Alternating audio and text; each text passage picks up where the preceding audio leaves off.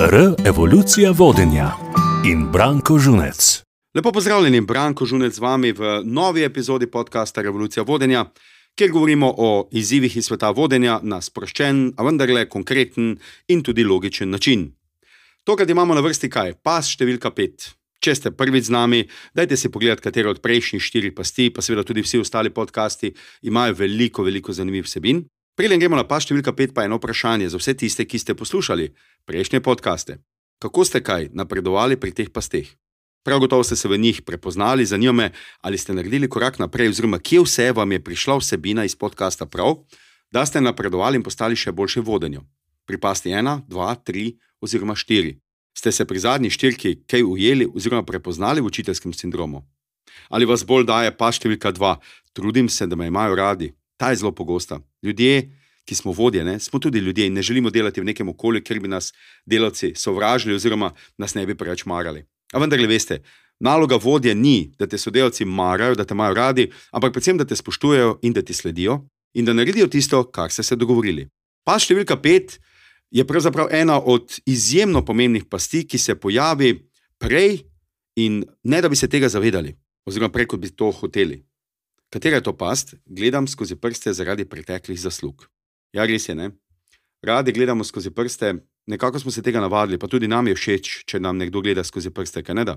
Tako veste, tisto, ko mogoče kaj ne malo slabše narediš, pa si misliš, no pa toliko smo dobrih stvari naredili, pa saj ne more biti moj vodja za jezen name, zaradi tega, ker pa če je bil kak mesec malce slabši ali pa ker je bil projekt slabo narejen. Veste kaj, če zmorete bolje, vas vodja ne sme pustiti, da naredite slabše, kot zmorete. In enako vi, kot vodja, ne dovolite, da bi vaši delavci naredili slabše, kot veste, da znajo. Zakaj? Glejte, zakaj? Ker imamo dve vrsti ljudi, dve vrsti delavcev. Ena vrsta delavcev je tista, ki jim dejansko cona obdobja paše.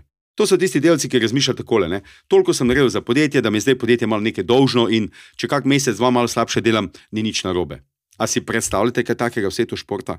Da trener dovoli svojim igralcem, da trenirajo malo manj, da so pripravljeni malo manj, da so fizično malo manj sposobni, potem pa na koncu, recimo v tekmi, jim zmanjka, kot pravimo, tega lufta v zadnjih minutah in zaradi tega izgubijo. Ali pa recimo individualni športniki potem na turnirju oziroma na tekmovanju ostane zadnji.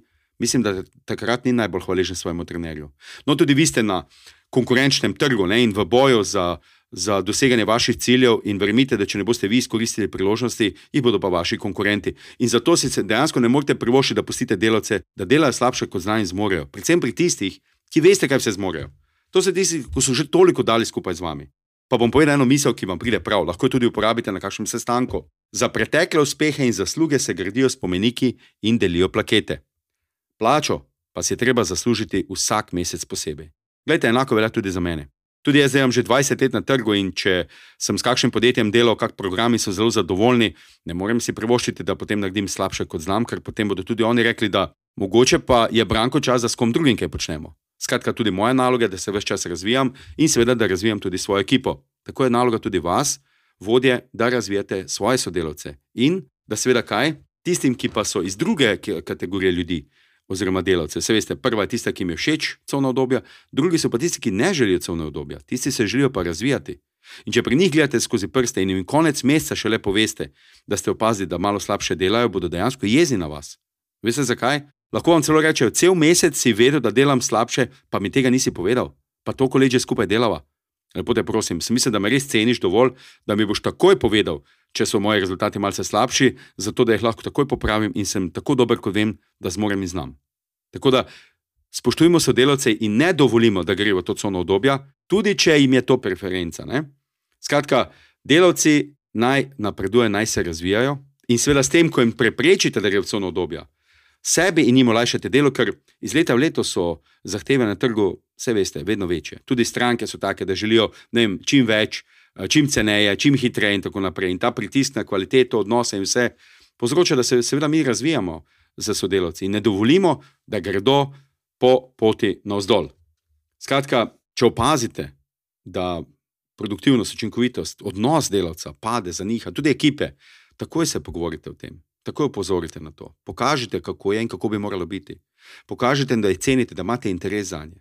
Veste, vodja, ki gleda skozi prste in misli, da na ta način nekako sporoča delavcu, da ga ceni, ga v bistvu ne ceni dovolj. Ravno nasprotno učinek boste dosegli. In ne glede na to, koliko vas mika, da bi včasih uh, sami rekli, ne, ali pa bi bili tako socialni, ne, se pa toliko naredil za podjetje. Se ravno gledite za to, ker je nekdo toliko naredil za podjetje, je še toliko lažje njemu ali njej, da naredi korak više. Kako zahtevno je uvajanje novega sodelavca? Tam vemo, da človek ne more tako hitro napredovati, ker še nima znanja. Ampak pri tistih, ki so že več let pri nas, pri njih je pa to bistveno lažje, ker imajo dobro kondicijo. Izkoristite to. Lejte, kakorkoli, tudi če sodelavc, vidite, da sodelavca vleče v cono obdobja, povejte mu, zakaj ni to dobro. Dajte ga povabite na kavo, v kakšni minutki, dve, spregovorite o tej temi. Povejte, kako in kaj. Malo vprašajte za razmišljanje delavca, pa boste takoj videli, v katero kategorijo delavcev spada. Ali v tisto, ki vleče cono obdobja, ali pa tisti, ki dejansko tega ne priznavajo in želijo še naprej rasti in biti za podjetje koristni, ker se bodo tudi sami ob tem čim bolje počutili. Še ena taka dobra misel tudi iz moje knjige Revolucija vodene, kjer je še ogromno takšnih misli. No, in tale je meni zelo, zelo pri srcu. Ne? Namreč, če boste vi sodelavcem v oporu, takrat, ko jim bo najtežje in vas dejansko potrebujejo, se bodo tudi oni potrudili za vas, takrat, ko bo vam najtežje in jih boste vi potrebovali. Ravno zato, ker cenite pretekle zasluge vaših sodelavcev, ukrepajte takoj in ne dovolite, da sodelavce rezultati padajo oziroma da se poslabšajo do tiste mere, da boste oba nezadovoljna. To je vodenje. To je skrb za sodelavce in to je šef, za katerega se sodelavci z veseljem potrudijo. Torej, kaj lahko naredite, da se tej pasti v prihodnje izognete? Pazite na cono obdobja in jo prepoznajte. Takoj, ko prepoznate, ukrepajte. Ne dovolite, da cona obdobja narekuje vaš tempo. Ko ugotovite odstopanje pri rezultatih, torej upozorite takoj, da se rezultati čim prej vrnejo na tisto pravo pot, da boste oboje zadovoljni, vi in vaši delavci. Na letnem razvojnem pogovoru se prepričajte, kakšna je motivacija delavca in kako gleda na svoje pretekle dosežke in cilje za naprej. Tukaj se spomnim ene odlične zgodbe iz enega razgovora letnega. En od, od vodij na enem od uh, treningov povedal, mi je ostala res spomin, tako odlična zgodba. In sicer vodja se pogovarja z zelo uspešnim delavcem in tako imate letni razgovor. Najprej, seveda, pogledate v preteklo leto, in seveda vodja pove, da je zadovoljen, tudi delavec pove, s čim je bil zadovoljen, kakšno je bilo leto. Skratka, super zgodba. No, in potem bo reče: super, to smo zdaj naredili, za naslednje leto imamo pa zopet malo više cilje.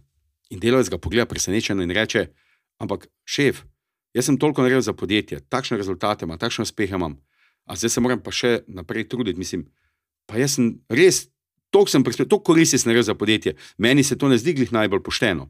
Vode ga mirno poslušal, potem ga pa vprašal, ok, ok, lej, imaš prav, razumem, da mi nekaj povej, zdaj za leto nazaj, to, kar si naredil, smo dali plačo za vsak mesec. Seveda. Pa vse bonuse, vse dodatke, ki ti pritičejo iz tega, ko si delal in projektno, in dodatno, in nadure, smo vse plačali. Seveda, to je bilo vse korektno plačano. Ok, torej za nazaj smo spucala, zdaj gledamo pa za naprej, za naslednje leto. Pošteno? In kaj misli delavcev preostalo? Ja, res je pošteno, vse je dobo vse plačano, vse je dobo tudi bonuse, plačila, pogoje, vse, kar dejansko pri, pripada tudi iz naziva vseh teh dosežkov in rezultatov, je bilo poravnano. Tako razmišljate. Tako razmišljate v odnosu do vaših sodelavcev. Dajte se pogovarjati o tem, da se je plačo treba zaslužiti vsak mesec posebej. Včasih imam celo vodja ne, na izobraževanju, tako po nekem moduli, ko mi rečejo, veste, da zdaj že večkrat ne, sodelavce tudi vprašam, no, a smo si ta mesec zaslužili plačo. In potem ljudje tako zadovoljno rečejo, res smo si jo zaslužili. Zdaj je pomembno, da imajo ljudje tako plačo, da lahko res se predajo podjetju, delajo, uspevajo, se razvijajo in se še naprej trudijo, vsak mesec posebej. Bodite pozorni na tiste delavce, še ena od pomembnih stvari, ne, ki so naredili in dosegli za podjetje nekaj izjemnega, še posebej, če je trajalo dalj časa, ker boste dejansko opazili, da se pokaže želja po tej coni obdobja tam držite. To je kot, kot v svetu športa. Zvezdniki in odlični igralci morajo še naprej ostati v tem tempu, da upravičijo ta svoj zvezdniški sijaj. Zelo podobno je tudi v, v poslovnem okolju. Glede, če čutite, da kdo od vaših delavcev potrebuje kak odmor ali pa dopust, dajte ga odobrite. Nekaj dni, mogoče tudi kak teden. Veste, bolje en teden prosto, kot da delajo uh, sodelavci potem cel mesec za 70 ali pa malo manj odstotki moči, in pa še druge ekipe vlečejo navzdol v delovni vnemi in rezultatih. Vse veste, tudi slabi zgledi žal potegnejo. Pa ne na zadnje, dragi vodja, tudi nas morate misliti. Če vi opazite, da rabite kakšen dan odmora ali dopusta, si ga le vzemite, napolnite si baterije, da se vrnete pripravljeni na nove, na nove zmage, ker vodja brez energije ni ravno pravi zgled. Skratka, toliko o naši pasti številka pet. Ste jo prepoznali? Odlično, zdaj lahko naredite korak naprej. V podkastu imate dovolj primerov, dovolj prijemov, da lahko naredite korak naprej in kaj, da si vi in vaši sodelavci v prihodnje zaslužite svojo plačo. Jaz vam želim, da se v vodenju, tudi pri tej pasti v prihodnje, prepoznate, da se ji tudi izognete, da postanete še boljši in da naredite v vašem vodenju korak naprej. Sveda, če boste začutili, da delite ta podcast še s kom od vaših vodstvenih kolegov, bom zelo hvaležen.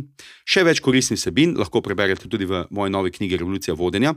Lahko vam malo zaupam, da že pišem naslednjo, ki bo še bolj drzna, provokativna in vodstveno napeta. Ampak zaenkrat je v tem podkastu dovolj. Želim vam, da uživate v vodenju še naprej, naredite tisti korak naprej, kot sem prej rekel, in se slišimo v naslednjem podkastu.